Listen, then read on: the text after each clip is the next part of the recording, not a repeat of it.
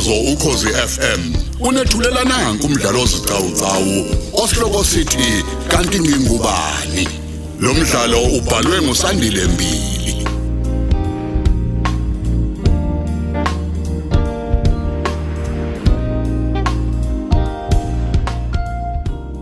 Thamela eseshumi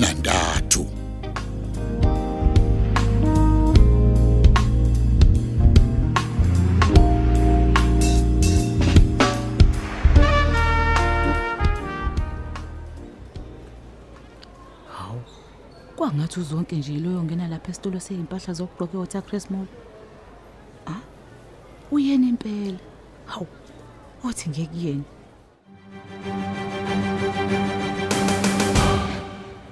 Hawu, kunjani zonke? Hawu sisamkhonza yaza nginakile. Ngiyaphila unjani wena kodwa? Hayi ngiyaphila nami. Yini usazocosha cosha nje impahla zoyingubo kulesi sitolo? Eh ningizobheka bheka impela nami njoba kunendali nje. Ey phela nesitolo ave zishipa uma kunendali. Hawu nami ngisazi kahle. Hey kwasiza ukuthi ngikubone. Ehhe. Kuhamba kanjani kodwa? Namanje ngingakafuni ukuthi uSimphiwe aziswe ngemvelaphi yakhe. Hawu, uthini uzonke? Ingani savumelana ngokuthi kumele silinde noma zinyanga zibe mbili njengoba besazilile nje. Kuthi ukuthi gozololo kancane. Hayi bengiyibuzela nje ngoba nje hayi ukukhuluma iqiniso nje hayi ngiyahluleka mina. Eh? Hayi ngiyahluleka impela nje. U- uthini? Ikakhulukazi njengoba ngimbona zonke izinsuku ha, lapha iSimphiwe ha, lapha ha. kubo. Hayi sengisho nje ngoba phela ngiqashela eduze Hayi, kwakubo. hayi, manje uhlulwa yini? Uhlulwa yini uvalo umlonyana wakho? Ho, hayi kahle wena. U- ukuthi nje ngempela kubukhuni ku- Eh? kubukhuni ngempela kodwa ke Eh? ngiyazama Hayi zama impela ke, zama nje ungaze ubhoboza ithumba wedwa singekho ekubeni le ndaba siyazi sobane. Hawu, uyazi futhi enye into eyenza ukuthi ngithi mina ngiyahluleka ukuvala umlomo mm, Yini? ukuthi emasontweni amabili edlule Ya. ngizwe kancane ubaba Ndlovu exoxela umfundisi ngomezulu Eh? ngokuthi engathi uSimphiwe uthola ubaba wakho angempela futhi maduze nje bahlela ukuthi afike lapha kwaNdlovu Hayi bo, uthi unamanga wena. ngiqinisile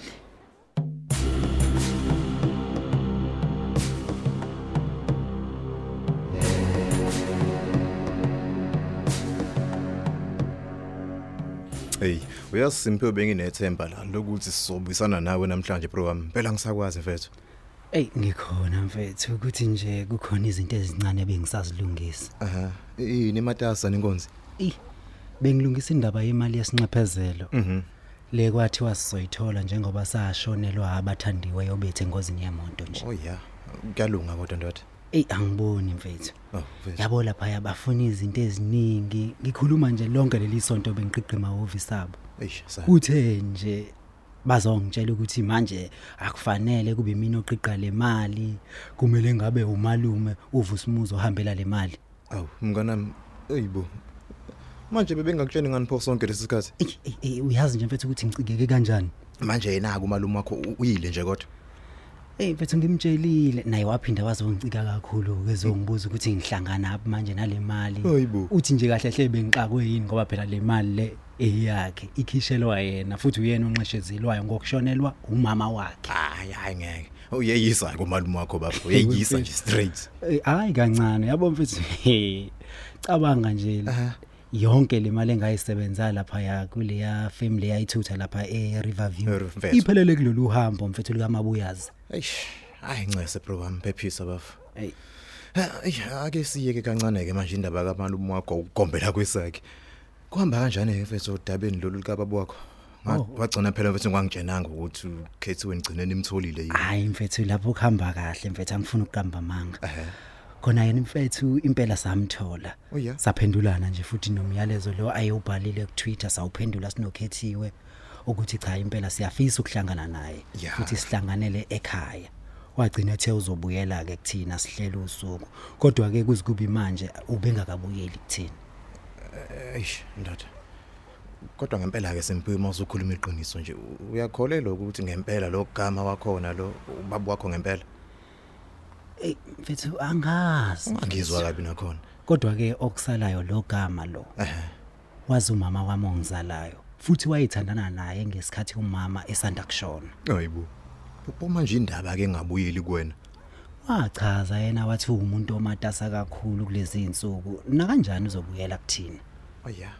wanika kodwa inamba nimthola kuyona noma ke nje ka WhatsApp lutho lutho. Ithina ke kodwa sashiya ezethi number eyakhe yena yakasinikanga. No ngiyakuzwa bro wami. Ekabani ke manje le number. Futhi ngathi landline ngibona iqala ngo031 hayi bondoda mhlawumbe umsebenzi lo kulezi ndawo ofake kuzona ama CV engayisho leyo nto futhi yazi ngingajabulani wendoda. Ibambe bafu.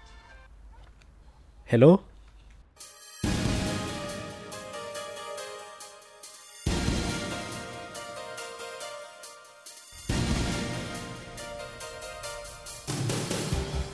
Hayibo uyazi mfethu sakhuluma ngale ndoda mfethu ivele yafona Uh, usho bani ke manje hayibo usicebi mfethu usicebi igama wo wo wo lo lo kuthiwa itime lakho Eh, Uthini mfethu. kumina wena? Uthi uyaxolisa ngokungabuyeli kuthina kodwa ke ngomgqibelo uyafisa ukuza ekhaya azohlangana nathi. ngomgqibelo lo isiyakuona Yawona lo bra wami. He. u- Ukuthi i- inkinga yazi mfethu angazi ukuthi ubaba usebenze emini noma usebenze ebusuku kulomgqibelo. hayi phela kucacile uzofika uzwe ngaye kini mfana kithi Eh uyabona amaqhinga mfethu ngiyaphinde ngiyasho bafu. Ngiyaphinde ngiyasho ukuthi ugogo ufike waqaqa wonke amaketanga ngale kwabangasekho. Hayi, ukushiswa yini ke kodwa lokho Angiyakutshela bafu. Ngisho ngokuthi mfethu kutholakala ubaba wami engiz- ongizalayo mfethu. eish mfethu Futhi uyambona nje ukuthi hayi indoda. Indoda esuthayo le mfethu engikhuluma ngayo. Ngibona nange impahla azigqokayo mfethu, nangeemonto mfethu kanye nabantu nje aphila nabo. imayo wena vele usukubona phi konke lokho okhuluma ngakho manje Hayibo. Uthini maqhinga? cha phela ngithi angibuze ndoda Ngibone kuma social media pages akhe. yer A- a- ake ngifonele ukhethiwe mfethu ngimazise ngalolu daba ngizwe nje nanokuthi ume kanjani ngomgqibelo njengoba phela umuntu osebenza esitolo nje hayi no umzame mfana kithi awumthinti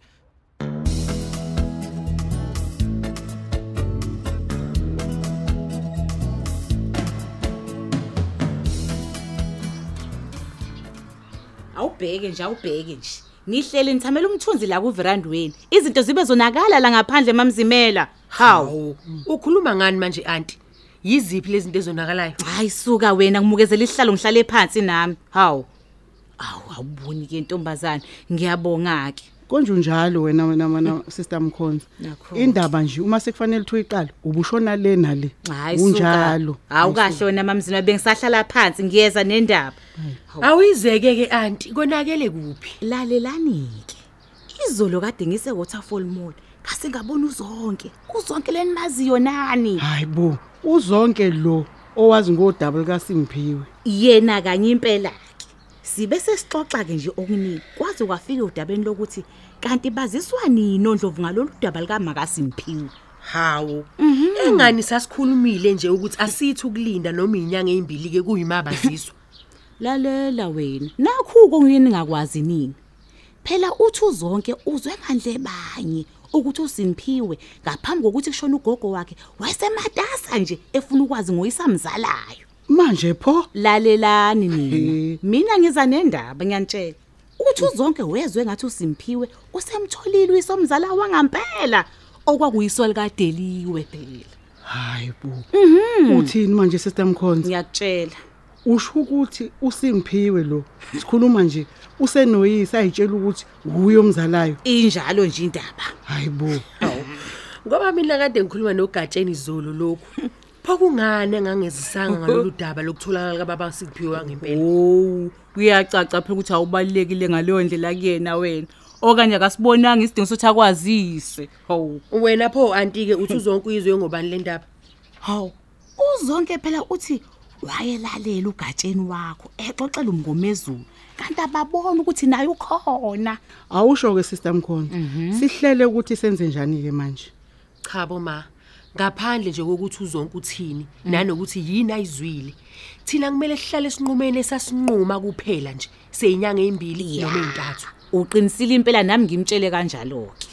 wathini ke yena Hawu, ugcine ezwile phela wathi hayi uzozama nje ukubekezela angayithi vu le ndaba. Kuze kubuye shaya isikhathi esanqumelana ngaso. Ya kunjalo nje. kwangcono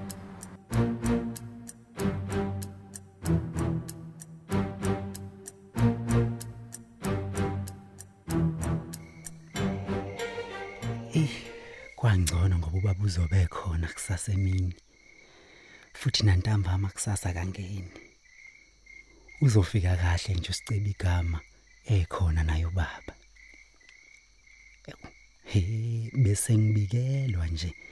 Ngithi uma nobaba engasathi uyasebenza kusasa bengizoba nobani nje obezongimisa isibindi uma ngabe sengihlangana naye usicebi lo? Ngoba phela nakho ukhethiwe uTexas uyasebenza. Haw uvela kubanike manje lo mlayezo ongena efonini yami.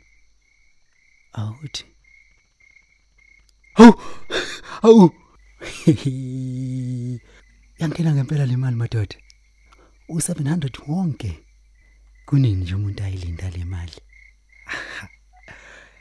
Eh wangisiza umngani wami umaqhinga amadoda ngaleli torho. Awuthi nje. Aw- awubheke nje umuntu usezoke athi ukulungisa izinto zakhe.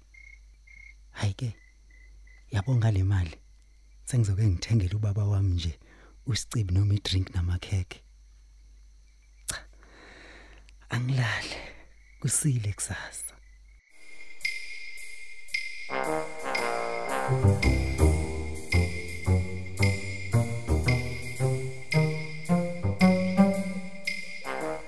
Hawu Simpiwe, usuvukile kusena ngaka? Awu yebo baba kade nje ngivukile. Impeleni nje sengiphuma ngisho lapha esitolo ethafeni ukuyothenga le drink le nala makheke. Oh, hayi ngiyabona. Hayi botshela mina. Imali sivelephi ngoba phela zolo lokhu wena imali uthe uyisebenzisile kwangasala lutho kule torho lakho.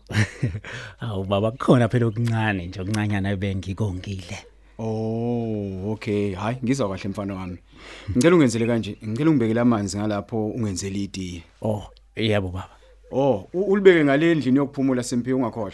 Ngisafuna ukuyolungisa mina ngale egumbini lami lokulala. Kulungile kulungile baba ngizokwenza njalo nje. Tshela mina ke konje uthe uzofika nini yana lomlisa ngasikhatsini? Oh u- u- ubethe uzofika emva kwehora leshumi. Oh, hayi ke yenza ke mfana wami yenza impela nje. Yikhona phela uzohlanza indlu angafika kade awuhlala amanuku la ekhaya.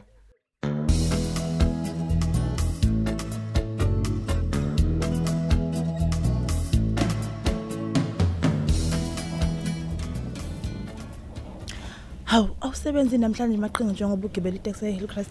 Hayi no lutho angisebenzi namhlanje. Phela lapha emsebenzini sidlulisa umgqibelo mase siphinda futhi siyasebenza ngolandelayo. Oh, hayi ngiyezwa ke. Manje pha uyapha ekseni kangaka? Oyibo. Uza okay. Ngothi sekuseni njengoba sekushaye ngisho ihora lesikhombisa nje laze ladlula. Hayi bo kodwa kusala kusayisekuseni kabi nje. Asuka. Hayi no, ngiya la eHillcrest eBonwini ku Hilltop Road ngiyohlangana nje nobhuti wami. Kukhona afisa ngimsize ngakho lapha emsebenzini wakhe. Uyazi bengithi ngizothatha noSimpiwe ngihambe naye. Manje ke ish namhlanje wathi kuza lo mjida lo wakwagama. He, awuzwe dado maqhinga. Yini? Ubiza kanjani umuntu omdala ngomjida? Awu so kahle. Mi nansi imali siyahlanganisa manje kuyakhokho. Ah, all right. Bese kunikezile lo sisi esihlezi naye. Eh, usenginikile. Sibabili nje lapho lo 50 rand. Okay, uthi ngihambise kanje.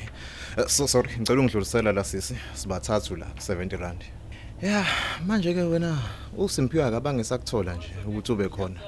Makufika ugama ngenxa yokuthi uyasebenza namhlanje. Awu, njengoba ubona nje nawe maqhinga.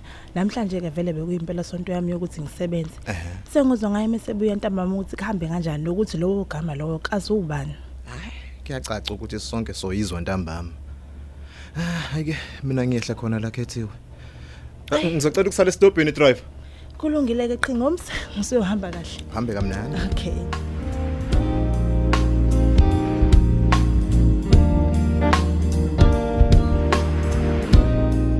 Asisibambe lapha isiqephu sethu sanamhlanje esithi kanti ngingubani? Osithulelwa ukhozi FM